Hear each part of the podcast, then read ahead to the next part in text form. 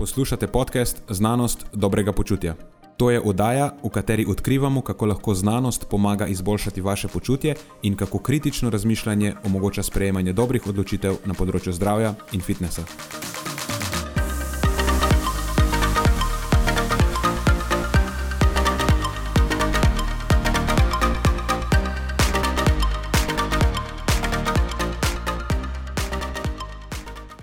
Pozdravljeni. Tokrat je na sporedu prva od bolj pogovorno in mnenjsko obarvanih epizod, s katerimi imamo namen presekati klasične tehnične epizode in se predstaviti v malo drugačni luči, recimo da bolj osebni. Z vami bomo Nenad in moja filgud kolega Matjaš in Marijo. V teh epizodah se bomo pogovarjali o raznih aktualnostih in stvarih, ki se nam zdijo v danih trenutkih pomembne, oziroma za katere mislimo, da bi bilo koristno, če jih slišite tudi poslušalci. Za začetek smo se odločili, da se malo posipamo s pepelom in izpostavimo največje napake, zmote in neumnosti, ki smo jih v preteklosti sami počeli na področju prehrane, vadbe, zdravja in fitnesa, ter zakaj smo te stvari spremenili in kakšna so naša stališča v zvezi s tem danes.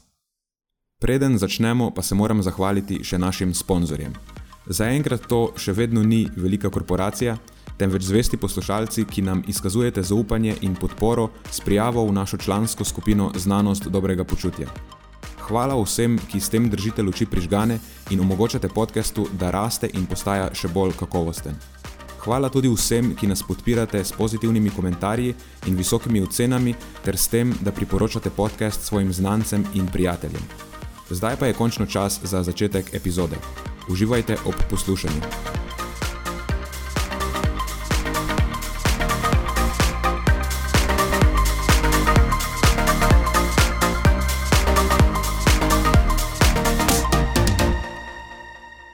Ne, sojna omaka je bila stara.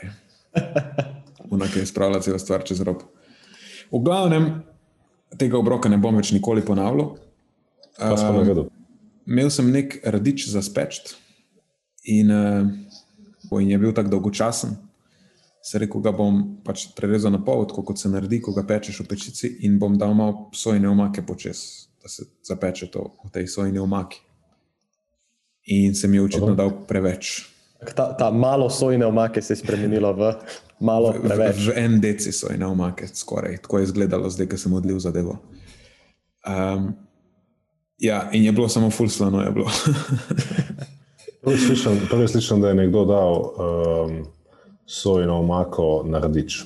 V zelenjavo, pa se v zelenjavo sem jo dal, se je radič, brokoli, v čem je razlika. Če pa vse razumem, ja. sem se nisem rekel, da je kaj narobe s tem, samo zanimiva ja. mi je ideja. Ma jaz sem ti, vse me poznaš, zdaj me že dobro poznaš. Jaz ti eksperimentiram. Da. Mojster kulinarike. Ja. Dobro, Mogoče to lahko uporabimo kot ovod, da že poslušalci takoj na začetku slišijo, kako čudni smo, ali pa vsaj kako čuden sem jaz. Pa se to že vejo. Um, okay. Ta epizoda bo drugačna od klasičnih epizod, po uspehu iz uspehu, da jim rečemo uspeh. Bili so ljudje očitno zadovoljni s tisto našo epizodo lekcij, ki je bila zelo mnenjska epizoda, ni bila utemeljena na ničemer tako konkretnem, kot je prava znanost um, ampak so bila bolj ali ne neka naša opažanja, neka naša filozofija. Uh, to se je očitno za dost velikemu številu ljudi zdelo zanimivo, in zdaj smo se odločili, da vsake štiri epizode ponavljamo nekaj v tem stilu, da naredimo eno tako bolj mnenjsko epizodo, kjer pač mi se pogovarjamo in uh, izražamo svoje mnenja, brez kakršnih koli uh, zelo trdnih podkrepitev. Uh, in pač namen tega je, da nas ljudje bolj spoznajo, no? tudi kot osebe, pa kako razmišljamo, pa kakšna je filozofija v ozadju.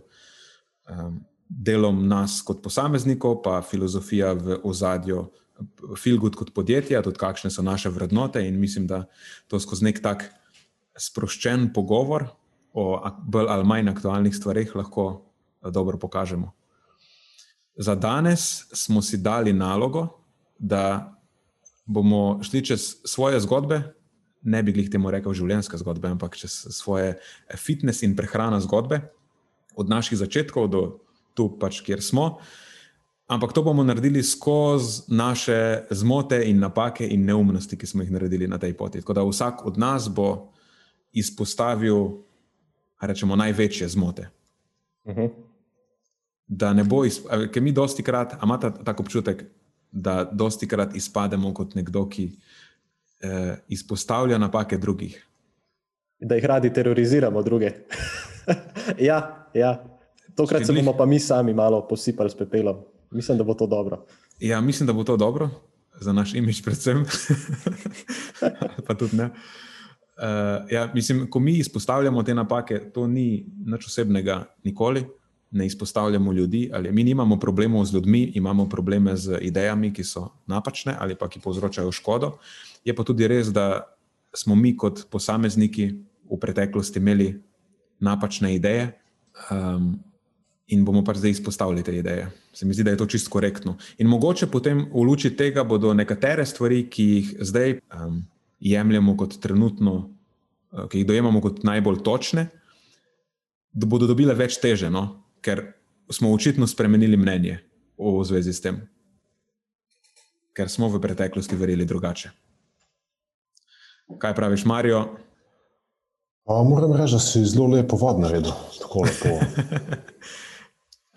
lepo nimam, eh, nimam kaj veliko za dodati, všeč mi je. Eh, Strinjal bi se, da, eh, oziroma lahko rečem, da sem zelo prepričan, da nas nekateri, ki nas spremljajo že dlje časa, ali pa če prvič naletijo na nas, še posebej tisti, ki nas poznajo še odprej, um, mogoče ko sem bil še sam, pa potem, ko si prišel ti, pa te je bilo treba še odomačiti.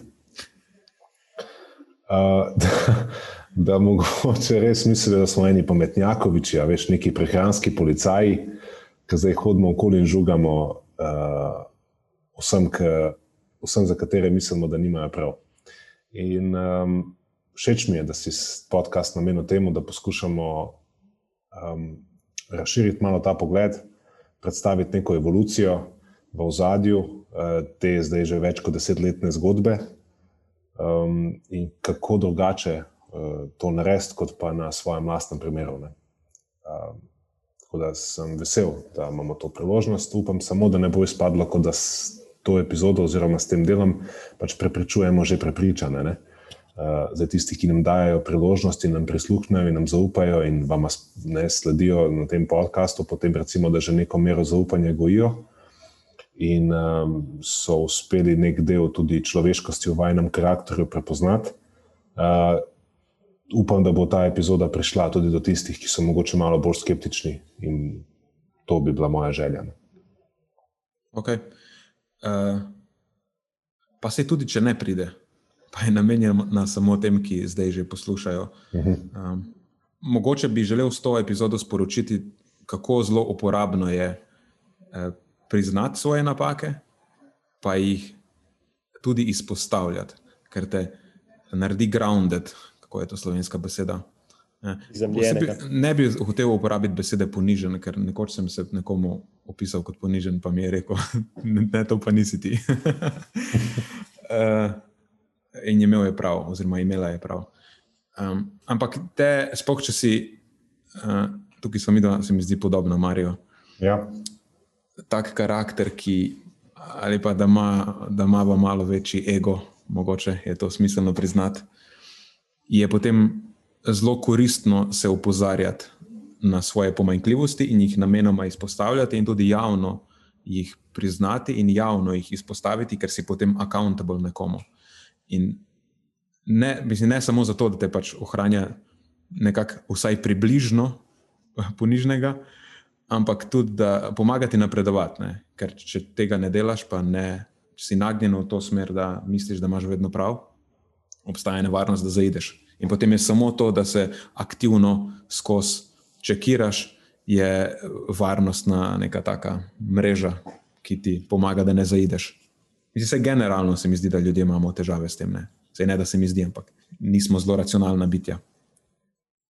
ja mislim, je mislim da, to- si, da si zdaj povzel en del najnega pogovora še iz pred, prete, preteklega leta in sem umestil uh, to lekcijo um, v zapis iz leta 2019. Glih sem mu dal naslov, če se prav spomnim, čekiraj se, se spomniš tega Mhm. najnega pogovora, ki je bil uh, potem um, kot neko seme te lekcije. Um, kako pomembno je, da ne čakaš, da te na tvoje zmote in luknje v razmišljanju opozarjajo drugi. Je nekako lažje. ne? To je tako, kot da greš v vodo, um, v mrzlo vodo, poleti, ne? spet prispodoba. Je nekako boljš, če greš sam počasi, ker veš, kakšen tempo ti paše, kot pa če te en porine, pa, pa vedno popizdiš.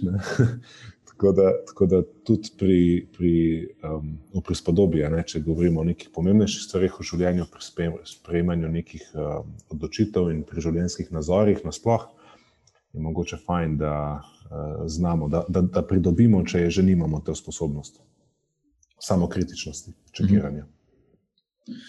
Ja, to je ena stvar, kar si omenil, drugo je pa to, mislim, sej, to je to, lažje ti je. Če si sam sebi najhujši kritik, pol vse, kar ti drugi povejo, te ne more užaliti, te ne more spraviti iz tira. Vse si si že sam povedal, oni potem samo ponavljajo. In dosta lažje je. In slišiš kritiko, in dosta lažje jo sprejmeš in uh, korigiraš na podlagi nje. Tako da to je to. Uh, sam sebi biti največji kritik je koristno. Ok, vse lahko je tudi dvorezen meč, ampak ne bomo zdaj o tem. To je neka stvar, ki je koristna na splošno. A bomo začeli? Kje bomo začeli? Temu prvo Matjažu danes, to bi bila meni zelo dobra fora. Matjaž je najmlajši, mogo bi pri tebi začeti. pri meni, ne? Joj. Lahko gremo po letih. Jaz imam neko, ja, neko. Um... Nek kronološko, staž, kronološko nek staž delanja, na, najdaljši staž delanja napak, tako hočeš reči. Pa naj, najdaljši staž delanja nasplošno imaš, zdaj pa najbrž tudi ja, napake si predelal. sem, joj, sem. Veš, da sem, ko se, smo se zmenili o tem, o čem bomo govorili danes, sem razmišljal, malo sem pobrskal po zgodovini, eh, predvsem mojega poslovnega odločanja, razmišljanja. Eh, in ni mi, bilo, ni me bilo več sram, včasih me je bilo tako malo sram, zdaj sem rekel, ne, lej, koliko si zrasel, ne, sem bil mal, mogoče malo enko celo ponosen na ta del. Um, pa če kronološko če začnem z um, um, svojimi začetki. Uh, če se spomnim prvega podcasta, ko ste me povabili kot gosta, sta mi dala priložnost deliti zgodbo o svojih začetkih, kako sem sploh uh, zaplaval v ta svet fitnesa, kako sem našel svoje mesto v tistem času. In zdaj ne vem, ali ima to veze z leti, ali ima to veze z neko, danes bi celo rekel, da ima, eh, z neko eh, mladostniško zaletavostjo, nekim nerazumnim, še povsem eh, načinom sprejemanja odločitev. Sem bil takrat izrazito prepričan vase. Spet bi rekel, vse to je po eni strani tudi prav, ne? po eni strani je to lastnost uspešnih, da so prepričani vase, da zagovarjajo svoje stališča. V eni izmed debat s teboj, Ninaci, tudi rekel, ne, da je to nekaj, kar je ključnega pomena danes in tudi za prihodnost. Da, ne, če mislimo, da imamo prav, da eh, ne ostane samo pri tem, ampak da podpremo to z dejanji in pritisnemo na gas. No, jaz sem to takrat naredil. In uh, kar pa zdaj, ko gledam z distance, opažam, da sem večkrat naredil to tudi takrat, ko v bistvu nisem imel prav. Ampak jaz sem še kar pritisk pogasil. Uh, in in um, na, na, na srečo sem pa imel tudi to neko sposobnost, da ko sem se zaletel z glavo uh, ob zid resnice, pa kakorkoli je to v trenutku zabolelo, uh, sem vsaj bil pripravljen spregledati in to resnico sprejeti in svojo pot v nadaljevanju temu primerno prilagoditi. Tako da moj prvi, da rečem, zdaj ne vem, v bistvu za res je greh, je bila ta pretirana, uh, reče se tunnel vision, a, a se reče tunnel vision, ta, ta pogled, uh -huh. uh, ta neka oskoglednost.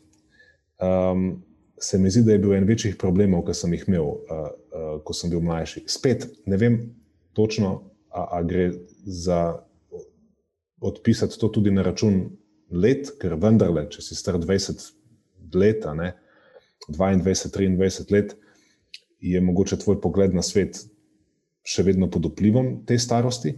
In ko enkrat obrneš tisti list, na katerem piše 30 in več, potem te mogoče življenjske izkušnje nekaj naučijo. Takrat sem bil pretirano oskogleden in uh, sem pretirano zagovarjal samo svoje stališča, in nisem bil ravno najbolj pripravljen prisluhniti drugim.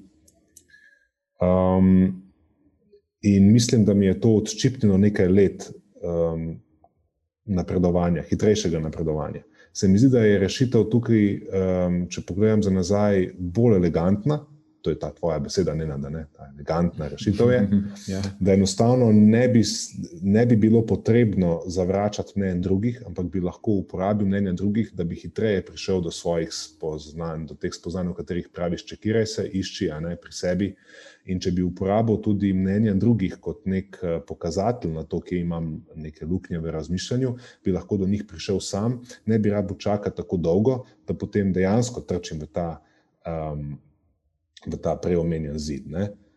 To se mi je zgodilo na samem začetku. In kar konkretni primeri, ko se je to, recimo, en prvih takih večjih, odmevnejših uh, primerov, ko se mi je to zgodilo, je bila um, kar tako odkrita pristranskost do uh, LCHF načina prehranjevanja. To je bil ta moj potem pr, prva, tako vidnejša manifestacija, te prvotne nastavitve v mojem razmišljanju, je bila um, to je simpatiziranje, pretirano simpatiziranje z, z LCHF načinom prehranjevanja. Se pravi, ko danes pišemo o tem, da bodimo pozorni na pristranskosti, uh, dejansko lahko rečem, da govorim iz izkušenj, ker takrat uh, je bil ta, ta past, v katero sem se ujel, je bila v bistvu the perfect storm. Imaš um, zdravnike, doktorje, avtoritete na pod, svetovnem področju, ki pišejo knjige, ki jih ti bereš. Um, potem imaš uh, v tistem času influencerje na področju prehrane, ki jih dejansko ni bilo veliko, bil je eden bolj odmeven in z njim sva se tako dobro razumela, in potem dejansko, a ne, imaš, a veš, si, kako rečejo, starstruck, a ne si pač tako. Um, Zgleduješ se, veš, model ima zihar prav, ne? Eh, podcenjuješ svoje mnenje in, in poveličuješ mnenje nekoga drugega. In um, potem se začneš družiti, družiti z ljudmi, ki uh, enostavno delijo to prepričanje s teboj, in potem se ti začnejo te kočke, kocke sestavljati. Uh, ta mehurček postaja vedno bolj tesen. In posledično postaješ tudi vedno bolj prepričan, da je v zadju tudi dejanska, um, dejanska teža uh, tega prepričanja, ki je precejšnja. Tako da tukaj je mene potem malo zaneslo in sem uh, bil zelo odklonilen, kot rečeno, do nasprotujočih mnen. Uh, sem pač mislil, da ah, to sam luzeri ne vejo, so ostali za časom. Ne? Jaz vem nekaj, česar oni ne vedo. To je bilo potem to problematično stališče. In sem se zato počutil pač mogoče malo celo več vrednega. Uh, in celo agresivnega v načinu komunikacije. Zdaj bom pa jaz ljudem povedal, če se oni ne vedo, In ko sem um, se začel družiti s tabo, kasneje, pa sem potem nekako tudi začel razumevati ta evidence-based crowd, pa sploh čist osnovne temelje prehranske znanosti, kjer si ti uh, bil že pred mano, bistveno bolj um, globoko upet. Uh, skozi te neke filozofske debate, tudi skozi pogovore s tabo, ko se nisem počutil um, nekako napadena, kontriranega, um, sem lahko neko, nek, neke obrambe spustil. In ko potem dejansko vidiš, eh, da je stališče ali pa teža znanstvenih dokazov eh, povsem drugačna, kot pa eh, so ti jo predstavili v tem tvojem mehurčku, potem pa ta mehurček v bistvu poči, raznese ti ga v obraz, in pol imaš dejansko nekaj časa lahko težave z ponovno vzpostavitvijo svoje um, identitete da ne rečem osebne identitete, ampak predvsem poslovne identitete, kajti vendarle si določenim ljudem svetoval, prodajo svoje storitve in takrat se zaveš, da si mogoče komu naredil celo več škode kot koristi.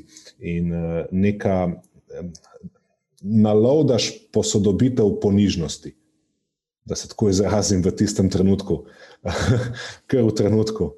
Uh, in to mislim, da je potem kar precej um, opredelilo nadaljno pot uh, našega filguda, uh, seveda potem tudi s tabo, seveda um, še pred Matjažem uh, v, v red.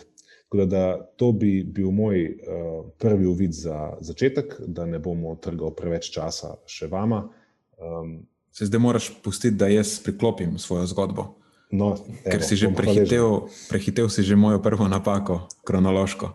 Prej, ko si omenil, da ko sem se jaz priklopil, pa so se začela o evidence-based stvarih pogovarjati. Ne, to ni nekaj, s čimer sem se jaz rodil, ampak je eh, v bistvu nastalo nekje na tej poti. Bom jaz začel čist na začetku, isto pri, kako se je moja pot začela v fitness in v prehrano. Ti nisi svoje letnice povedal, kdaj jaz se tvoja sem, zgodba začne.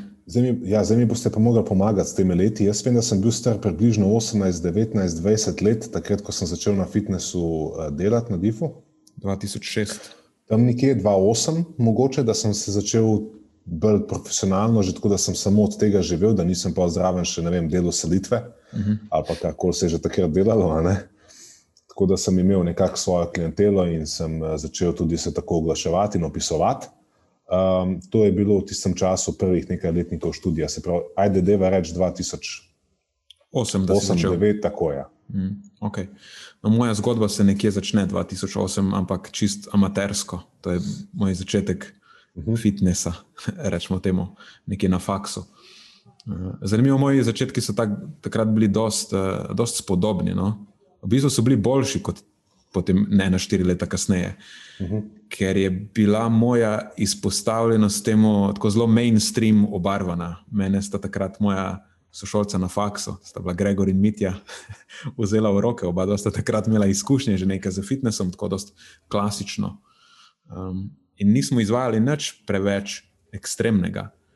Uh, kar se tiče treningov, je bil čist tak klasičen bodybuilderski trening, recimo neke splite smo izvajali, vaje sicer niso bile mogoče tako idealno uh, zapakirane, kot bi mogoče to se komu zdelo danes, da je idealno, ampak je bilo dosti podoben začetek.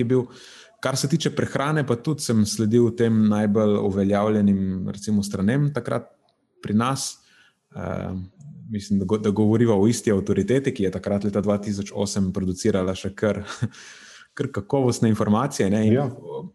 To so bili, recimo, ne vem, omejevanje odvečnih maščob, um, višji vnos beljakovin, izbira polnovrednih živil, znižanje energijske gostote, uporaba, nekal stvari, ja. Ja, uporaba nekaloričnih sladil. Veš, samo take zelo uh, common sense stvari. Že takrat je bilo jasno, da so to najbolj učinkovite stvari, neke temeljne stvari. In v bistvu moji uspehi takrat so bili precej hitri in precej dobri, tudi glede na to, da sem bil začetnik najbrž na ta račun. No, ampak seveda tam nekje, to je bilo 2010, recimo 2011, pa tam do 2013. leta je pri nas bil ta low carb, je začel hitro pridobivati na popularnosti. Ne, in tudi stvari, ki smo jih brali, oba dva midva, so uh -huh. začele dobivati ta low carberski priokus, vedno bolj. In nekje eno leto v to je, smo pač šli tako. Do konca inzulinska hipoteza, to je ono, going full tops. Ne? Brali smo Gerija Tapsa, sladkor je hodič, hidrati v bistvu so itak samo sladkor, to je vseeno in isto, zaradi inzulina si bolan. In potem v nekem ekstremu smo pristali na keto, in ketogena dieta nam je šla super, par mesecev, uh, dokler nam ni več šla super, ne? ampak medtem smo pa bili najbolj goreči zagovorniki lokar pristopa. Mislili smo, da zato, ker beremo knjige, ki so jih napisali vse to, kar se že povedo zdravniki uh mhm. -huh. in uh, znani raziskovalni novinari, da je, uh, da je to to, ker pač to so resne knjige, v narekovajih resne. Um, ampak potem pač smo ugotovili, da niso. Moj, zanimivo to je ta anekdota. Moj skupni holesterol je najvišji izmerjen takrat. Je bil. Jaz sem bil skozi nekdo, ki se zelo moj holesterol v krvi se zelo dobro odziva na prehrano. In takrat na keto je bil moj skupni holesterol, mislim, da 13 milimolov na liter. To je, tako, to je tako ekstremna meritev, da zdravnik misli, da je bila napačna, da se je nekaj zgodilo. Ne? In polk ti jo ponovijo še enkrat, a, mhm. pol, pač ni več, ne, taka je. Mislim, da je bilo neki, nekih šest ali sedem ali celo osem v enem ekstremu milimolov na liter LDL holesterola, kar je tako dvakrat več, kot je zgornja meja prejemljivega. Res noro. Ne? Ampak še zmeraj potem sem ustrajal v tem nekaj časa. Uh, v bistvu ne znam dati prsta gor na to, kaj se je zgodilo, sem, um, kdaj sem ugotovil, da to ni to. Uh, je pa mogoče res, da v osnovi moj karakter deluje tako, da iščem namenoma mnenja, ki niso v skladu z mojimi. In potem na neki točki pač jih najdeš dovolj, da samo moraš spremeniti mnenje. Ne? Če imaš to tendenco. Tako da tudi takrat, recimo nekje 2013, recimo, da je bilo leto, ki sem začel uh, po, počasi zapuščati ta low carb. Če glik sem bil do takrat zelo goreč zagovornik, še zmeraj obstaja par člankov, ki so objavljeni pod mojim imenom, in namenoma nisem nobenega prosil, da jih da dol ali kar koli. Še zmeraj mi kdo piše v zvezi s temi članki. Uh, se mi zdi, da je to tako koristen, koristno orodje, da te ohranja. Opomnik. Ja, opomnik, kakšne neumnosti si pisal. Vedno, ko ga preberem, je full sram, ampak uh, pač lej, to je del zgodovine. uh, in ne, ja, takrat še nisem imel koncepta, kaj je to evidence-based, ki je v bistvu iskati dobre in točne informacije.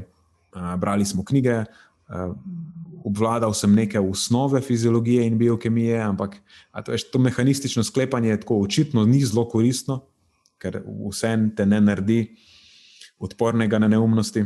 Uh, ja, in tukaj bom jaz prekinil svojo zgodbo, ker sem zdaj sem se povezal s tvojo, skoraj. Bo pa mogel Matjaš svoje začetke povedati, kje se kronološko vklopijo. Mi smo zdaj pri letu 2013, kje si ti? Jaz se takrat še rodil nisem. Uh, ne, ne hecam se. Uh, jaz pa ne bom začel čist po svoji kronološki poti, ampak raje s enim izmed prvih teh večjih dun in krogar momentov, samo zato, ker se malo bolj upelje v vajno zgodbo, pa bom potem uh, se pri uh, drugi lekciji raje vrnil nazaj na čisti, čisti origin story, kako bi temu rekli. Um, tako da moja napaka je pa očitno. Uh, izhaja iz tega, da sem mogoče ena druga generacija, kot sta vidva. Takrat, ko se je ta eh, pendulum že premaknil v čisto drugo smer, kot se vedno to zgodi, iz enega ekstrema v, v drugo stran. Uh, tako da moja prva napaka ni izhajala iz tega low carb sveta, temveč iz nasprotnega pola, torej iz tega uh, zagovarjanja uh, plant-based pristopa oziroma manjšega uživanja živil živalskega izvora. Zdaj, nikoli ni bilo to nič ekstremnega, da ne bo pomote. Uh, ne vem, nikoli nisem govoril, da je recimo meso kancerogeno ali pa kaj v tem stilu. Uh, ampak vsem veliko enih neumnosti je bilo izrečenih, za kar uh, po, vse popolnoma priznam. Uh, moram pa dati en disclaimer, mogoče preden nadaljujemo, za katerega poslušalci ne vedo. Uh, in sicer dejstvo, da sem jaz že preteklih uh, šest let vegetarijanec. Ne, zdaj, če v zadnjem času nismo dobili ene zvezdice za ta podcast, potem bo pač to zagotovo dovolj velik pobudnik, da dobiva vsaj eno zvezdico.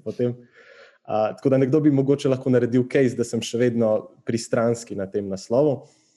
Ampak ne vem, vsaj, vsaj jaz bi rekel, da nisem, lahko moja sogovorca to bolj potrdita ali pa ovržeta, kar se mene tiče. Uh, ampak nikoli ne komuniciram tega na vzven, zdaj se mi da nikoli nisem vsaj zdaj, ne, teh, od, odkar sem prišel do tega spoznanja, da to pač uh, ni tako dobro, kot uh, sem takrat sprva mislil. Nikoli ne širim neumnosti v hvoli tega, nikoli ne zagovarjam tega ali pa dajem nekih takih idej naprej svojim strankam. In pravzaprav se je v preteklosti večkrat zgodilo to, da sem jaz potem zagovarjal meso in pa živila živalskega izvora, pa celo pisal članke, javne članke na to temo. Tako da, ampak ok. Uh, Skratka, moj, moj začetek je, je izhajal bolj kot ne iz tega sveta. Ja. Um, tako da, ja, mislim, kar bi moče sam to omenil, ne, da eh, vegetarijanec uh, nisem iz nobenih posebnih razlogov. Uh, mogoče to zdaj potruje tudi k temu, ne, da, uh, da ne širim toliko teh neumnosti iz tega vidika, da, um, da sem vegetarijanec samo zaradi tega, ker mi pač meso pa ribe recimo ne dišijo. Ne. ne pa zato, ker ne vem kaj drugega, kar se okrog potem teh plant-based pristopov pogosto širi. Uh, bi pa rekel, da sem čisto na začetku te svoje uh, vegi poti, da imamo tako reči, da sem zagotovo zagovarjal, kdaj, da je to recimo, boljši način življenja za, vem, za naše okolje, za dobrobit naše zemlje in ne vem, kaj še vse. Uh, to pa predvsem zaradi tega, ker se je tako pač govorilo. In se mi zdi, da se tudi danes kar pogosto govori o tem, pa da je kar tako na nek način uh, široko sprejeto ali pa splošno sprejeto dejstvo. Uh, sicer nisem noben ekspert zdaj na to temo, ampak vemo, da, so, da je tukaj še precej nekih drugih nijans v igri, pa da ne moramo kar tako poenostaviti tega pristopa. Ne. Tako da ena, moče še ena lekcija na tem naslovu, ne, ne kar tako slepo verjeti komorkoli samo zato, ker se sliši dobro ali pa ker tisto, kar prebereš oziroma slišiš, podkrepi tvojo neko predhodno pristranskost. Ne. Vedno, se, vedno se čekiraj, tako kot je Marijo že prej dejal. Uh, zdaj, kdaj je bilo pa to čisto časovno gledano? Vidva sta govorila o letu 2013. Jaz mislim, da je bilo to nekako na začetku mojih uh, dodiplomskih študentskih let, uh, zdaj pa zelo dobro vprašanje, kdaj točno to bilo. uh, nekih 5-6 let nazaj, po mojem, ne? se pravi tam okrog leta 2016. Recimo. Predtem pa se pravzaprav sploh nisem še ukvarjal s prehransko znanostjo. Da, mislim, da marsikaj pove ta tvoja zgodba. Prvič to, da Matjažova najhujša napaka je tako res minimalna napaka. Še njegova najhujša napaka ni prava napaka. Mislim, mogoče se ne sliši tak. kot taka, zato ker jaz nisem bil nekdo, ki je v tistem trenutku tudi delal z drugimi ljudmi ali pa proizvajal neke članke na to temo ali pa kakorkoli že. Tako da moj impact je bil bistveno nižji, po vsej verjetnosti, od tega, kar ste ga vidva imela. Jaz pač nisem delal v praksi tam. Tako da neumnosti, ki sem jih jaz širil, so bile mogoče malo bolj uh, zadržane v nekoliko ožjem krogu ljudi in niso dosegle tako veliko širino. Ampak to pa ne pomeni, da, da niso bile ne, neumnosti, ne. še vedno so bile kar, kar, precej, kar precej slabe stvari. ok, cool. Uh, drugač pa se vegetarijanstvo niti ni neka tako zelo ekstremna stvar, realno. Ta trenutek, glede na to vse, kar je bilo v preteklih nekih teh letih, ko se je ta plant-based pristop malo bolj razširil, se mi zdi, da res ne, ampak mogoče še takrat, pa se mi zdi, da je bilo mogoče še malo bolj v povojih. Tako da, če si slišal, da je nekdo vegetarijanec, ti bil tako malo, malo čuden. Danes pa se mi zdi, da je to že mogoče malo bolj sprejeto in nič posebnega. Vsaj tak občutek sem jaz dobil no, skozi ta leta, mogoče se motim. Ja, znam biti, da imaš prav. Ja da na račun vseh ostalih ekstremov v tej smeri smo sprejeli vegetarijanstvo kot nekaj čist normalnega, da je manjši ja. odmik od normalnosti, je, kot ono vse ostalo. Ja, točno to. Točno to. Kar se to čudno sliši. torej, bomo, a kaj pa če bi se ti vrnil zdaj kronološko nazaj okay. k nama, kaj je naslednja stvar? Kronološko nazaj k vama. To pa se morda res bolj približa letu 2013. Nisem čist prepričan, iskreno, ampak ena stvar, ki mi je ostala tako v spominu uh, in tako dobro se mi zdi, da posebej ta problem komunikacije o športni prehrani, da sem jo enostavno mogel vključiti v ta segment. Um, in tudi eden izmed razlogov, zakaj se danes ukvarjam s tem, še mar delam, torej kot športni nutricionist. Uh, in to je eden izmed številnih mitov, v katere sem zelo. Uh, sem jih zelo zagovarjal, ko sem bil uh, še mlad športnik, ko sem treniral atletiko. Uh, in sicer verjel sem, da, da ste beljakovine škodujejo telesu.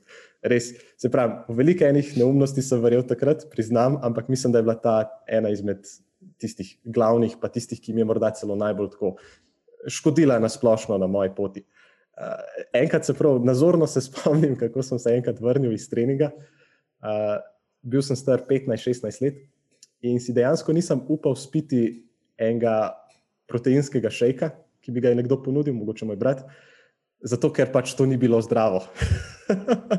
Dejansko sem mislil, da, pač, da sta samo dve poti, ne, ki jih imaš kot, kot športnik. Ne. Eno je to, da eh, po eni strani ali poješ dovolj beljakovin, pa imaš mogoče boljši športni uspeh, se boljše regeneriraš, ampak tvoje zdravje trpi na račun tega visokega beljakovinskega vnosa, ali pa druga pot. Ne. Manj beljakovin, slabša regeneracija, slabši športni uspeh, ampak ne vem, boljše dolgoročno zdravje.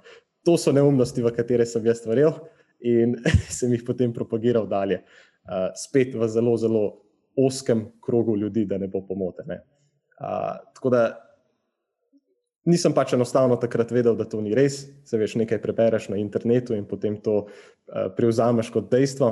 Uh, mogoče na to še vpliva kakšna, kakšna knjiga, kakšen dokumentarec, uh, za katero, uh, kot bi ti ne nadrekel, niso običajno nič boljše kot neke fantazijske novele in romani.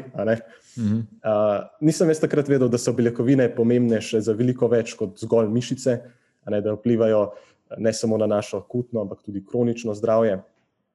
In takrat, ko sem potem dejansko prišel do spoznanja, da temu ni tako in kako pomembne so te beljakovine, pa še marsikaj drugega, uh, sem si rekel, gledaj, nikomor, nobenemu mlademu športniku ne privoščim te zmede in frustracije, ki sem jih jaz takrat dajal skozi.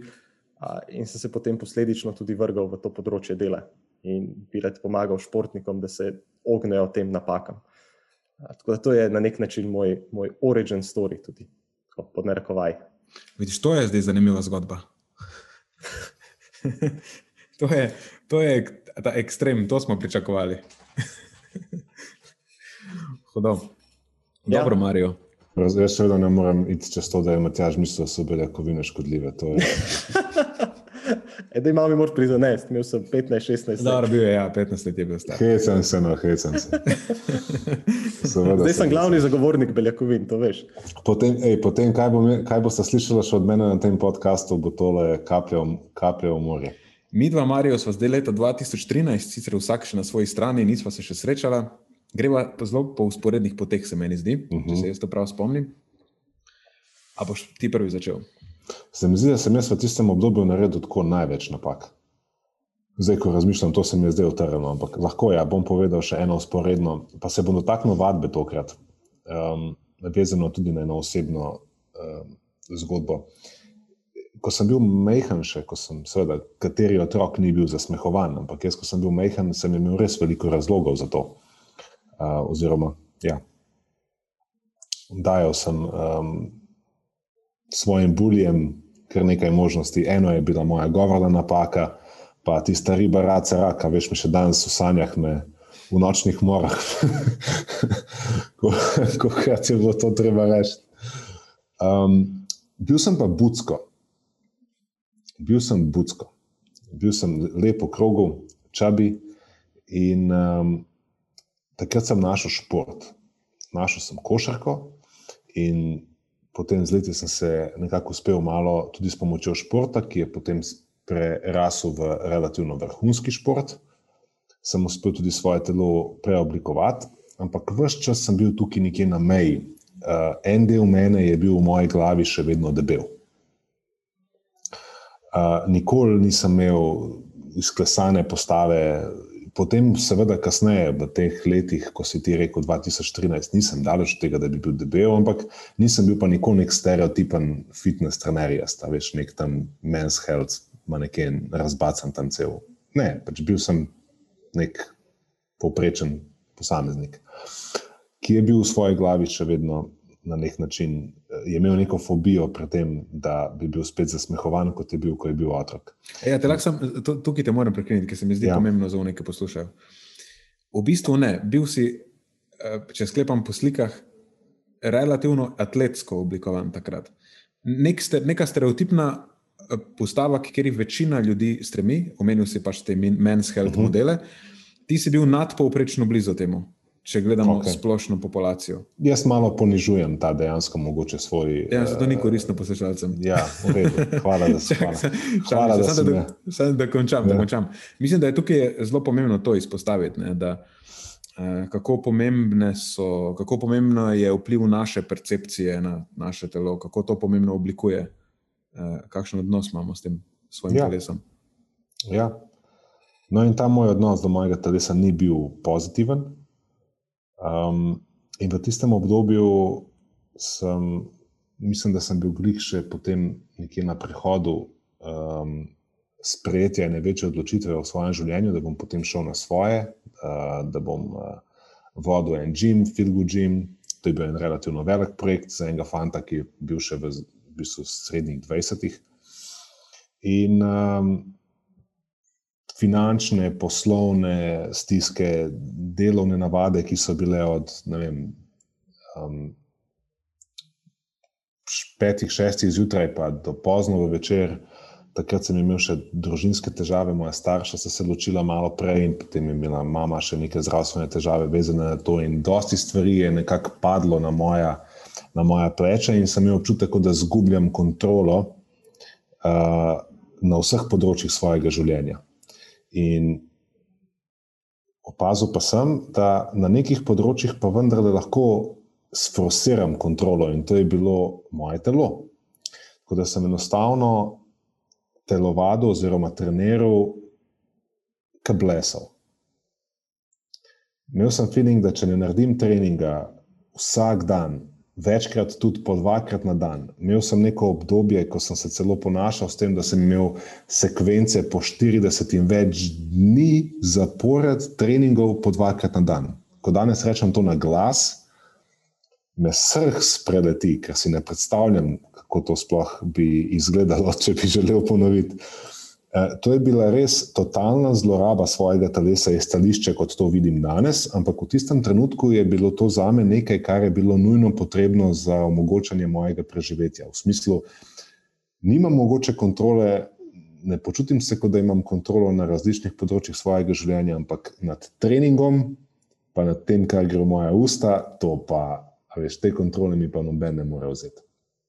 In to je, um, in to mislim, da je takrat me pahalo čez rob, uh, te, to spogledovanje za motnjami hranjenja uh, in to prekomerno, danes bi rekel, temu ta čistunski odnos, ne, tudi do prehrane in, in do treninga, da mora biti vse perfekt me je spravilo res uh, kasneje tudi uh, do hujših zdravstvenih težav. Končal sem na endokrinološki kliniki, cel polomljen, tudi danes plačujem davke, se je vidva vesta, ne, da me čakata dve operaciji kolka.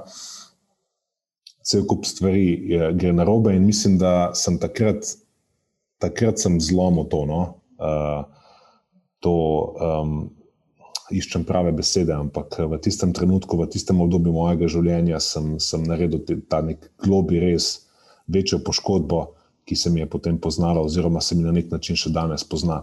Je bila pa tukaj lekcija, ne, če že govorimo o napakah, ta um, in pri telovadbi, oziroma pri treningu, in pri prehrani, pa da rečem najprej pri prehrani, koliko škodljiv je dejansko lahko um, ta prekomerno čistunski odnos. Matjaž je napeljal že na to, um, ni hotel spiti proteinov, ne, zato ker je mislil, da mu bojo škodili.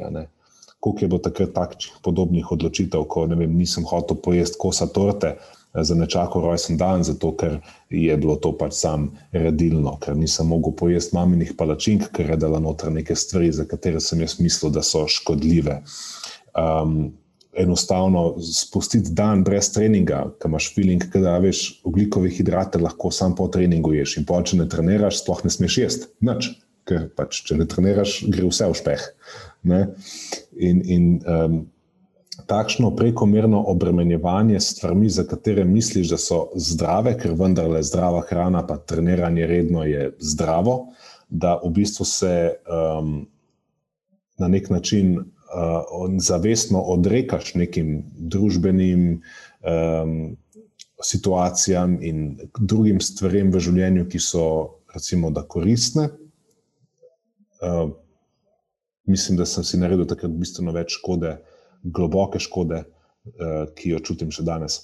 S tem sem se hotel navezati na uh, vajen prejšnji podcast, ko si glih ta point izpostavil zelo dobro, kako ima dejansko lahko um, občutek osamljenosti in uh, slab družbeni, uh, slaba družbena vključenost, uh, celo više tveganje za razno razne zdravstvene komplikacije, kot pa sama debelost v končni fazi ali pa ne, nek posamezen dejavnik, ki je povezan s prehrano. Um, tako da na to bi želel opozoriti, da ko si star, ne vem, 25 let, če kdo posluša uh, 30 let, če ima tako mogoče res črno-bel odnos do gibanja in prehrane. Um, mogoče, je, mogoče se zdi, kot da je bolj benigno, kot pa dejansko je. Ta psihologija v ozadju, to, kar se dogaja v naših glavah, uh, ima lahko, se mi zdi, da precej um, težke posledice, če se s tem ne soočimo, če uh, tega ne prepoznamo in če ne vzpostavimo neke poti, uh, da rečemo, rehabilitacije, kako bomo uh, dejansko se iz tega brezne počasi začeli izkopati. Ker tudi potem, če ugotoviš, da ta stvar ne funkcionira, če jo samo pometeš pod preprogo, um, mislim, da te pride preraslej uh, spet malo pozdraviti nazaj. Tako da to se je začelo dogajati v tistih letih, nekje, uh, ko sem bil star 23, 24, 25. Uh, trajalo je še tri leta, ampak me je kar. Če si predstavljate, zdaj tisti, ki me poznajo, vejo, da sem približno skoraj 2 metra visok, imam ne 95, 96 kg, visok sem bil isto, ampak takrat sem imel, ne boste verjeli, na mojem lowest point. Ne? Ko sem končal uh, v, v, v, takrat, ne, pri zdravniku, sem imel 83 kg, 82 pa nek 83 kg si lahko predstavljate. To je več kot, kot 20 kg, um, skoraj, če pretiravam. Mislim, z 20 cm več si imel toliko kilogramov kot jaz zdaj. ja, recimo. Ja. ja, to je zelo zanimiva zgodba. Mislim, da je več enih koristnih lekcij za mlade trenerje. Že prej to nismo eksplicitno izpostavili, ampak ena pomembna lekcija je, na katero sem se tudi jaz je nisem izpostavil, pa bi jo mogel da takrat, ko smo stari 20 let, pa še malo, zelo, mislimo, da smo zelo pametni, imamo ta tunelski vid, um, mislimo, da gremo v pravi smeri, da vemo več kot ostali, da si lastimo neko znanje, ki je samo nam zelo jasen. Se mogoče je to neka osebnostna lastnost, ki prej sem omenil, da smo zelo podobna v, v taki nastavitvi. Uh mhm.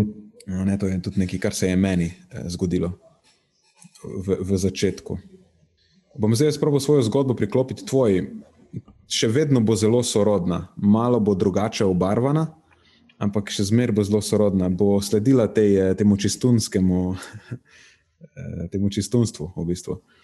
Eh, takrat, nekje leta 2013, ko se je moja romanca z low-carb prehrano počasi zaključevala, ko sem opazil, da neke stvari pač ne štimajo da stvari, ki jih govorijo te avtoritete na tem področju, pač samo grejo kontra dokazom.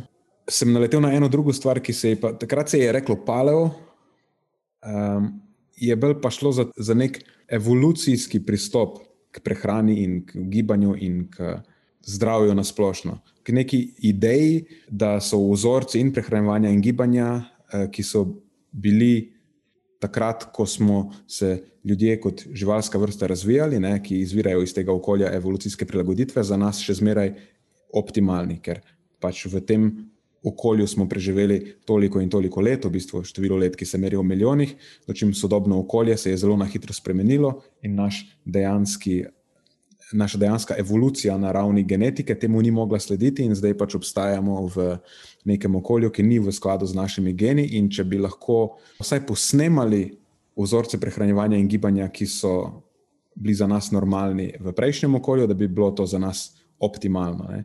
In iz tukaj je potem.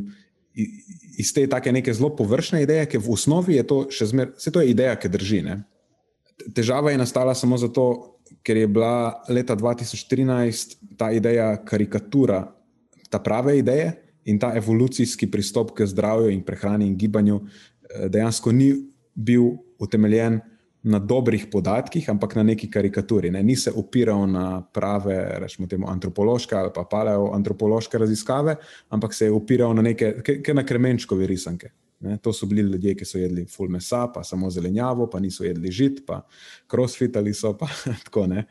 Eh, in v tem obdobju je bilo za me značilno, da nekaj časa, to sicer ni trajalo dolgo, ampak recimo gluten smo hejtali, še zmeraj je bilo to neko eh, sovraštvo proti sladkorju, aditivi, to je bilo spoh slabo, ne, tega nisi smel. To, to nekoč tega niso uživali in je pač že iz tega slabo zate, ne, samo zato, ker. Um, In mislim, ja, pa seveda omega-6 maščobe. Ne. Še takrat, ko sem ugotovil, da ta kremenčkovi evolucijski pristop ne drži, je to ideja, ki, to je, ideja, ki je najdlje ostala z mano. Te omega-6 maščobe povzročajo vnetja. Mislim, da je to zmota, ki je najdlje ostala v mojem repertoarju zmot. In še recimo pred enimi dvemi leti bi bil pripravljen zagovarjati to pozicijo. Um, no, ampak na srečo ta moja paleo faza ni trajala zelo dolgo, vsaj ne v tem ekstremu, uh, ker me je pa zanimalo na podlagi izkušenj od prej, ker prej sem tako ugotovil, ne, da okay, vi govorite, da je, eh, low carb dober, zdaj bom pa preveril, kaj govorijo neke druge avtoritete in sem ugotovil, da oni pravijo nekaj drugega. Torej, ne ugotoviš, da pač tukaj nekaj ne štima. In uh, opolnomočen s tem sem naredil isto vajo potem pri tem paleo prestopu, ker sem rekel, ok, cool, zdaj pa vem, kaj pomeni znanstvena literatura in bom šel prebrati antropološke raziskave in pač kaj vemo dejansko o tem, kako so ljudje nekoč živeli, v katerem okolju so evolvirali, uh, kako bi bilo nekako smiselno na podlagi tega, ne, če sledimo tej predpostavki, našo prehrano zapakirati. In smo potem zelo hitro ugotovili, da v bistvu palejo ljudje so uživali žitarce že zelo dolgo, da niso jedli samo mesa, ampak so bazirali svojo prehrano predvsem na živilih rastlinskega izvora, da so jedli veliko hidratov in da so imeli radi sladkor in vse take stvari. Potem ta predpostavka zelo, zelo hitro uh, razpade. In mislim, da tukaj se je potem začela moja fascinacija z znanstveno literaturo. Pač dobil sem občutek, kako močen kos informacij je lahko ta, ta literatura. Ne? Kako lahko več neodvisnih, tako skoraj primarnih virov, ne? pač v antropologiji je to še zmer, ne? to niso glih raziskave, kot jih poznamo v fiziologiji, ampak je pa najbliže nekim točnim informacijam. Pač ugotovil sem, kako močno je to, in mislim, da od tukaj je potem zraslo uh, ta evidence-based pristop. Ne. To je pa tvoj origin story. Ne, to ni glih origin story, ampak je, je pa zelo pomembna prelomnica, se mi zdi. Mm -hmm.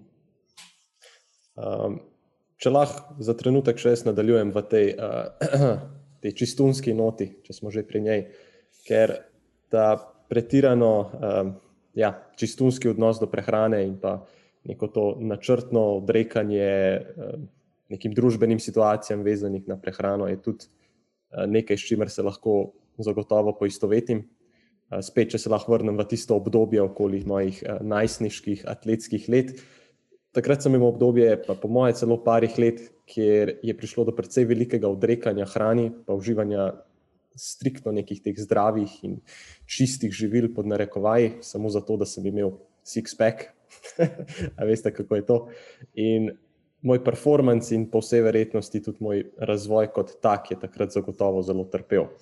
Tako da samo za primerjavo, mislim, da sem imel takrat med prvim in pa tretjim letnikom gimnazije kar konstantno, bolj kot ne isto telesno maso, kar mislim, da že samo po sebi ni normalno. Mislim, da bi ta krivulja postopno mogla iti malo više. Eh, tako da to je bilo okrog 66-67 kg na mojih 1,85 m, danes jih imam približno 15 kg več, pa tudi ne bi rekel, da me je ravno veliko skupaj. Tako da zagotovo ne tako ekstremen primer, kot pri tebi, Marijo, ampak bi pa dal roko v ogen, da sem imel zagotovo neke eh, red S simptome oziroma eh, neke te simptome relativnega pomankanja energije. In mogoče pač ena taka stvar pomembna za vse tiste, mlade športnike, ki to poslušate, eh, da prehrana za vizualni izgled ni enaka prehrani za performance. In neko pretirano energijsko odrekanje, energijska restrikcija samo za nek vizualni izgled bo lahko nosi številne negativne in akutne in kronične posledice na telo. Vse to pa mislim, da ste se že vidva s Tino enkrat podrobneje pogovarjali na tem podkastu. Mhm, tako je. Tako da, ja, mi, je zna, mi je znano to. No. Tako da zdaj smo nekje leta 2015, se mi zdi. je tako. Mhm. Manjka nam še eno dobro leto in pol, je tako, Marijo, dokler se mi dva spoznava. Ja, a veš, eno stvar, povej. Ja, mislim, to je to obdobje, kjer je trajala tam, oziroma kjer je umirala ta moja paleofaza in se je začenjala moja evidence-based faza, uh, kjer sem jaz nekako počasi ugotavljal, da se da vse te trditve, ki izhajajo iz teh uh, prehranskih ideologij, preveriti z konkretnimi uh, raziskavami. Ne. Nekje proti koncu te faze 2017 smo se potem mi dva spoznala in sva debatirala, spomnim se na prvem sestanku o uh, glih o tem, o biologiji in evoluciji in o naravoslovju in, in tako. Uh mhm. -huh. Ja, spomnim se, ja, še vedno. Mm. Uh, Ja, in to je obdobje, kjer bi jaz dal roko v ogen, da omega-6 maščobe povzročajo vnetja. dokler, dokler, nisem, eh, pač, eh, dokler mi ni nekdo drug izpostavil, da lej, obstajajo. Obstaja precej enih raziskav, ki kažejo, da ljudje, ki uživajo omega-6 maščobe, oziroma ki jih uživajo relativno več in relativno eh, bogato prispevajo k njihovemu skupnemu energijskemu vnosu, da so to bolj, bolj zdravi ljudje v resnici kje je zdaj ta tvoja hipoteza, ne? kako potem razložiš to. In tako potem ugotoviš, da okay, ta tvoja hipoteza očitno ne drži. Tukaj je šla potem eh, krivulja delanja teh kolosalnih napak, odkar so se potem nekako z neadom skrb spravila, pa, pa se je pol s časom Matjaš pridružil nekako, lahko bi rekel, samo na vzdolj v bistvu, ne?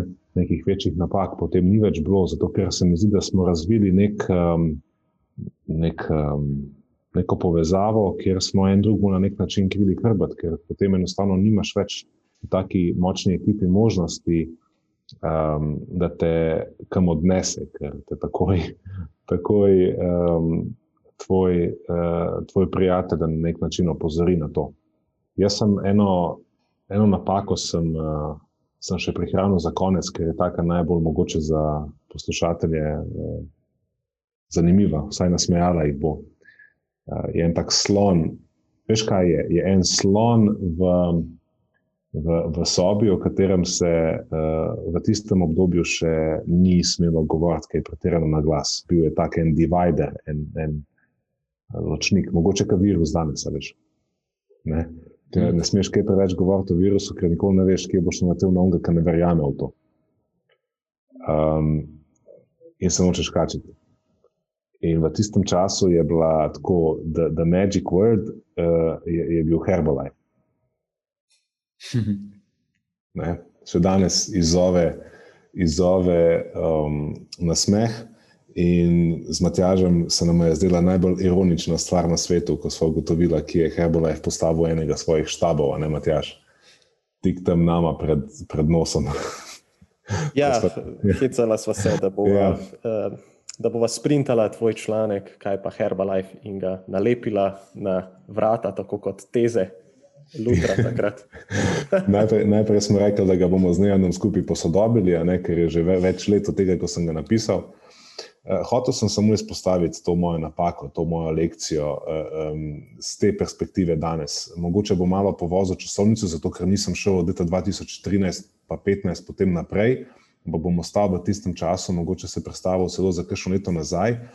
Našel sem se v situaciji, ko sem delal na DIF-u in je tedajni lastnik uh, fitnesa na DIF-u um, bil na tej hierarhič, hierarhični lestvici um, Herbalajpove um, piramidne scheme zelo visoko.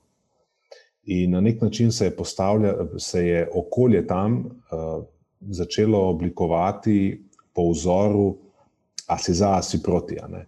Ker če si na nek način za, če to stvar podpiraš in sprejmeš, potem imaš možnost tam delati in imaš neko zavedje in zaščito.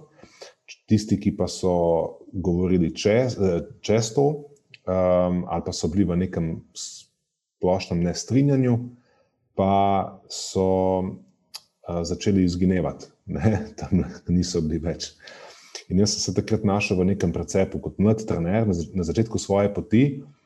Um, nisem jih najbolj vedel, a, kako se obnašati. Ne? A spred zdaj neko žrtev v smislu tveganja, pa ne, se priključiti tej zgodbi, uh, kljub temu, da čutim kar nekaj rdečih luči, kako se prižigajo v meni, da ta stvar ni nekaj, kar, um, kar bi res iskreno in.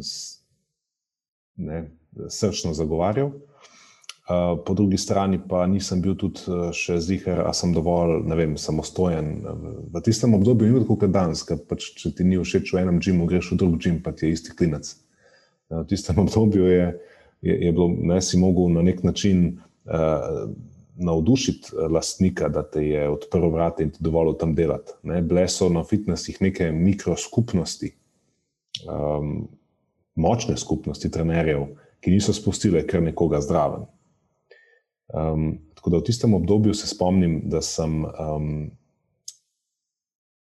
potem šel na tisti sestanek, ne, bil sem povabljen, sem sprejel povabilo, sem šel na tisti sestanek in sem dobil en tak um, uvid v to, kako ta stvar poteka. Začel sem hoditi po teh sestankih, parkrat s to trenersko ekipo. Um, počutil sem se vse ta čas, veš kako.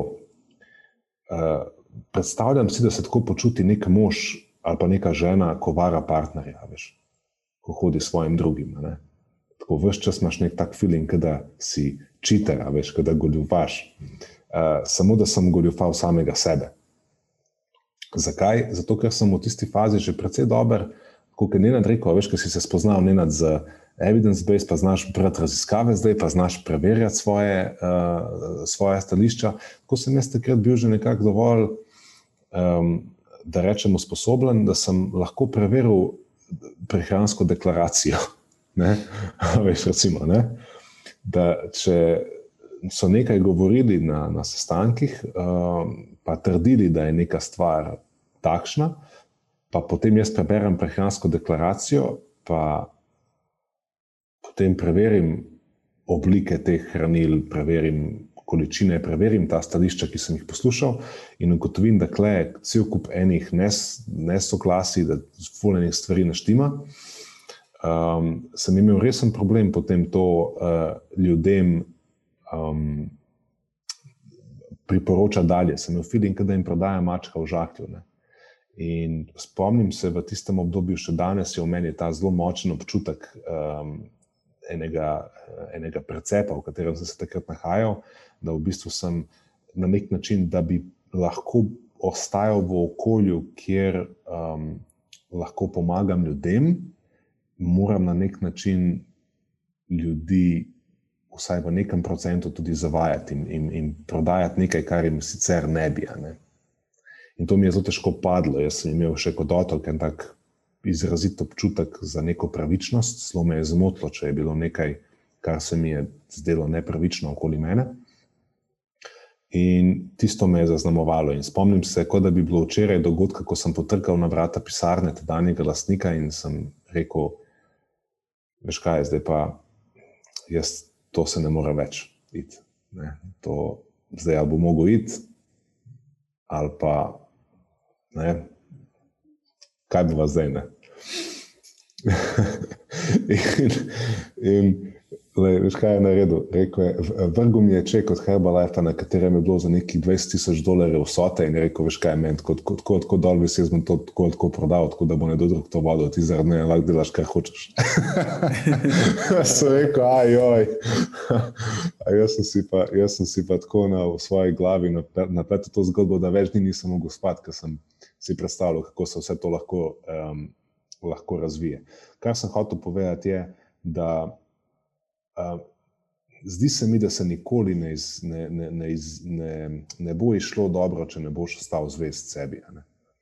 V tistem trenutku sem jaz bil kakšno leto ali pa manj, ne vem točno, ne, v nekem zelo groznem, stresnem obdobju v svojem življenju, ker sem imel tako občutek, pač, da nisem zvest samemu sebi, ne, da pač zagovarjam nekaj, kar zares. Um, ne, jaz ne maram pri prehrani uporabiti besede verjamem, ker zdi se mi, da pri prehrani je veliko prostora za to, kar verjamemo, ni.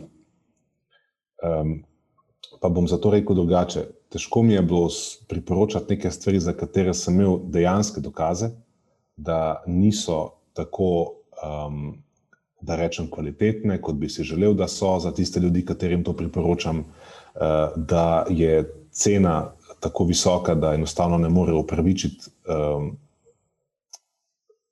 sestavin, ki so navedene na izdelkih.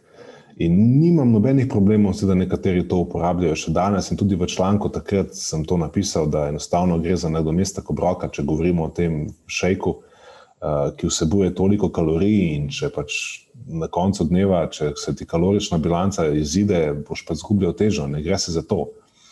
Uh, imel sem samo težavo pogledati eno gospo, ki je imela, spomnim se še danes, ki je imela dva otroka. Uh, relativno skromne prihodke in je zato, da bi, da bi, da bi zhujšala, je potem kupovala te stvari ne, po zelo visoki ceni. In jaz sem ji potem to prodajal, in mi je bilo živa groza, me, ker prihajam iz okolja, ker smo bili pač zelo skromno, smo živeli. Ne, in se mi je zdel to res en tak uh, kriminal, na nek način rob um, nisem mogel spati in sem rekel, da to moram prekiniti. Tako da, no, to je neka zgodba, ki sem mislil, da jo bi bilo za poslušalce eh, zanimivo mogoče slišati, zato sem se odločil deliti. In je v tistem obdobju precej um, opisala moje življenje na vsakem koraku. In um, ne vem, če bi lahko rekel temu prav napaka v klasičnem pomenu besede. Uh, pa se je spet bolnina tukaj za filozofijo, pa rekel, da ne, vsaka napaka, tudi če je napaka, ne, če se z njo učiš, je nekako ni napaka sama po sebi, napaka je, če dejansko ostane tam, če ostaneš tam, kjer si jo naredil. Um, ampak v tistem trenutku bi mogoče mogel odreagirati že prej. To sem hotel povedati. Napaka z mojega stališča je bila, da nisem že prej, ko sem uvidel, da ta stvar ne pije vode, um, bi mogel že prej se postaviti na pravo mesto in ne odlašati in kontemplirati in ne vem, kaj vse ostalo početi in v tem procesu uh, najverjetneje škodovati, ali pa da ne rečem škodovati, bom rekel raje oškodovati um, določene ljudi, ki so se odločili mi zaupati. Evo. In jaz, če imam problem s čim, imam problem s tem, da um, kršim zaupanje drugih ljudi, ki, po, ki, ki uh, polagajo to zaupanje meni, oziroma nam pri našem delu. Uh, to je za nas sveto. Tako da takrat se mi zdi, da nisem bil najboljši jaz. Dobro, to je sicer super sentiment, samo takrat si bil star, a si bil sploh star 20 let. Nima veze. Takrat, ma, ja, nima veze, mogoče. Zakaj nima veze? Nima veze, ker sem vedel, da ni v redu in bi mogel odreagirati prej, in sam za to se gre. Ja, ja, se v redu, samo pravim, da bil si del nekega kolektiva, ne? tako da v bistvu si se odločil med tem, ali boš njim si mogel reči ne. Na nek način si tudi njihovo zaupanje mogel ušteti v to enačbo. Oziroma, ta občutek sprejetosti in ja. vse to.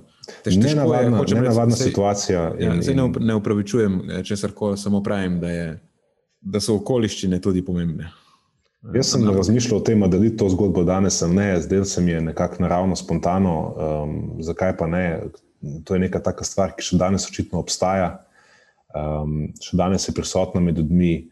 Ne rečem, da je sama po sebi škodljiva in problematična, daleč od tega, um, v določenih situacijah lahko posebno ljudem pride prav, ampak zdi se mi, da pa veliko ljudi, um, ki si ne more privoščiti na sest, ne tam glih na sede. Mhm. No, prej sem hotel samo reči to, da ja, takrat si bil star 20 pa nekaj let in zato pa danes delamo tako, kot delamo, ker nismo več stari 20 let, ampak so nas te izkušnje ja. nekaj naučile, naredili smo en kup napak. Tečit za konec, če potegnemo črto.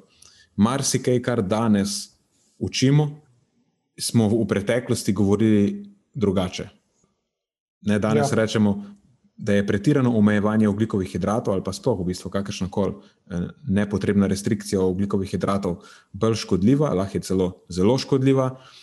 E, imamo neko povsem drugo stališče o maščobah v prehrani, e, povsem drugo stališče o razmerju maščobnih kislin v prehrani. Ne. Vemo, da, so, da je relativno previsok delež nasičenih maščob škodljiv za naše zdravje, predvsem za kardiovaskularno zdravje. Vemo, kako so zdaj beljakovine pomembne, ne Matjaš? Definitivno. ja. Definitivno. Vemo, da so tudi žitarce super.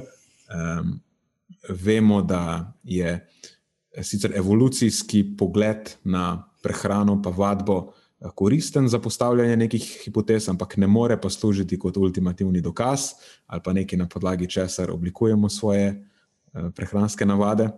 In uh, v bistvu vse te stvari, ki jih danes, eh, za katere danes vemo, v bistvu, da držijo, eh, do tega smo mogli priti skozi lastne napake. In včasih kdo reče, da eh, veš, nekoga izpostaviš temu. On pa ima drugačne mnenje, ti reče, da ti zdaj ne, ne nočeš spremeniti mnenja, ker nekako tvoj ego ti tega ne pusti, ne? ali pa ne vidiš prave resnice. Ampak v bistvu je glih, da smo mi prišli do teh stališč, smo že mogli enkrat spremeniti mnenje. Tako da mi smo to nalogo že opravili. Mi smo že priznali, da se motimo in smo sprejeli dokaze, ki so boljši. Ko nekdo sliši, kaj danes govorimo, pa smo nekoč govorili nasprotno, je to znak evolucije. Ne? Ni zdaj, da mi branimo ta svoja stališča, ampak mi smo enkrat že zavrgli prejšnja stališča, da smo prišli zdaj do teh.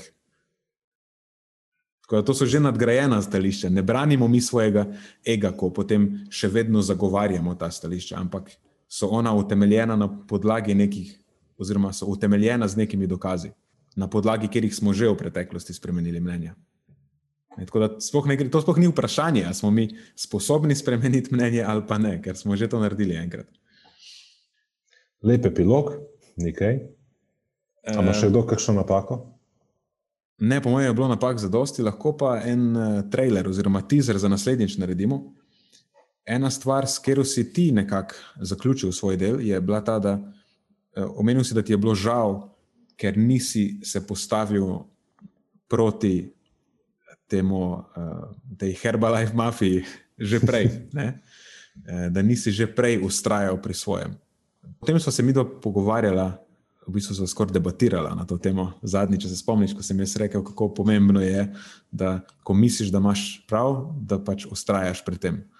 Uh, pa si ti mhm. rekel potem, da ja, če si res 100% da imaš prav, oziroma če si prej opravil domačo nalogo, kar je seveda temeljna predpostavka. Ne? Če si prišel do tega, da misliš, da imaš prav, z nekim kritičnim razmišljanjem ne, in izpraševanjem samega sebe, da ni to samo neka impulzivna stvar, pa zdaj ti pritiskaš na gas, kljub temu, da že malo sumiš, da nimaš prav. Um, glavnem, pogovarjala sva se mi dva takrat o nekih vrednotah in tako naprej, in iz tega je usklila ena ideja, da bi v naslednji epizodi vsak od nas izpostavil nekih pet pomembnih osebnosti, to bi bila nekakšna varianta tiste igre, če bi lahko povabil pet živih ali mrtvih ljudi na večerjo, kjer jih pet bi bilo. Ne? Da vsak od nas, recimo, izpostavi pet nekih role modelov, eh, nekih temu, vzornikov ali pa zgodovinskih osebnosti, po katerih bi želel oblikovati svoj karakter ali pa ki imajo neke vrednote, ki se njemu zdijo uh, zelo pomembne, in da v bistvu skozi to vajo potem nekako izpostavimo tiste stvari, za katere mi mislimo, da so pomembne, da bi lahko. Da je pač bila naša družba boljša, da bi nam bilo vsem boljše. Ko mi čakam? Torej se strinjate. Zdaj imam tri, tri vajne podcaste časa razmišljati o tem. Dobro. Dovolj je to. Tako je. Vse, boš, lahko, boš lahko, bo smisel, boš lahko prefiltrirala na samo pet. Nisem imel težavo, po mojem. Jaz sem zdaj, čas, ki ne odgovarjam, razmišljal o tem, ali jih sploh naberem pet. Aha, torej, težave imate na nasprotnih poljih. Ja, pa bomo videli, preveč, če se pa premalo. Okay. Bom povedal potem uh, v živo, kako, um, kako, mi boš, kako mi je šlo. Okay. Okay. No. Eh, hvala vam še enkrat za to priložnost, da delite uh, malo spet zgodovine z vama. Uh, upam, da nisva uh, zdolgočasila poslušalce. In uh, sem vesel, vedno, ko me povabite. Tako da sem vesel tudi tega, da bom lahko sodeloval uh, pogosteje. Ja, to zdaj več ni, to več zdaj ne bo povabilo, ampak zdaj imamo ja, okay, red, redne, zdaj, redne epizode. No. Zdaj imamo obveznost. Ja, ki so vsake štiri. Nekako moramo samo poimenovati to zadevo. Kako se bo reklo temu, ko mi nakladamo eno uro? To pa zdaj lahko daš uh, sledilcem, da dajo predloge. Poslušalcem, Marijo. Posl poslušalcem lahko daš uh, nalogo, da napišejo v komentarje poleg ocene ena za Matjažev vegetarijanizem, tudi predloge, tudi predloge za um, ime te rubrike. Ja, to bi bilo dobro, da nam pomagate izumiti. Sicer bomo pa tudi mi razmislili. Uh mhm. -huh. Nač, hvala vam, spet je bilo zabavno, vsaj meni. Ja. Ej, hvala vam, super je bilo tole. Cool. Nač, se slišimo naslednjič. Tako je, se slišimo. To je za tokrat vse iz naše strani. Hvala, ker ste poslušali do konca. Delite epizodo s svojimi znanci in prijatelji in jo priporočajte dalje, saj s tem omogočite, da sporočilo znanost dobrega počutja doseže čim večjo množico. Hvala vsem, ki nas podpirate s članarino in tudi vsem ostalim, ki delite podcast dalje in nam izkazujete naklonjenost z visokimi ocenami in pozitivnimi komentarji. Se slišimo prihodnjič, do takrat pa ostanite premišljeni.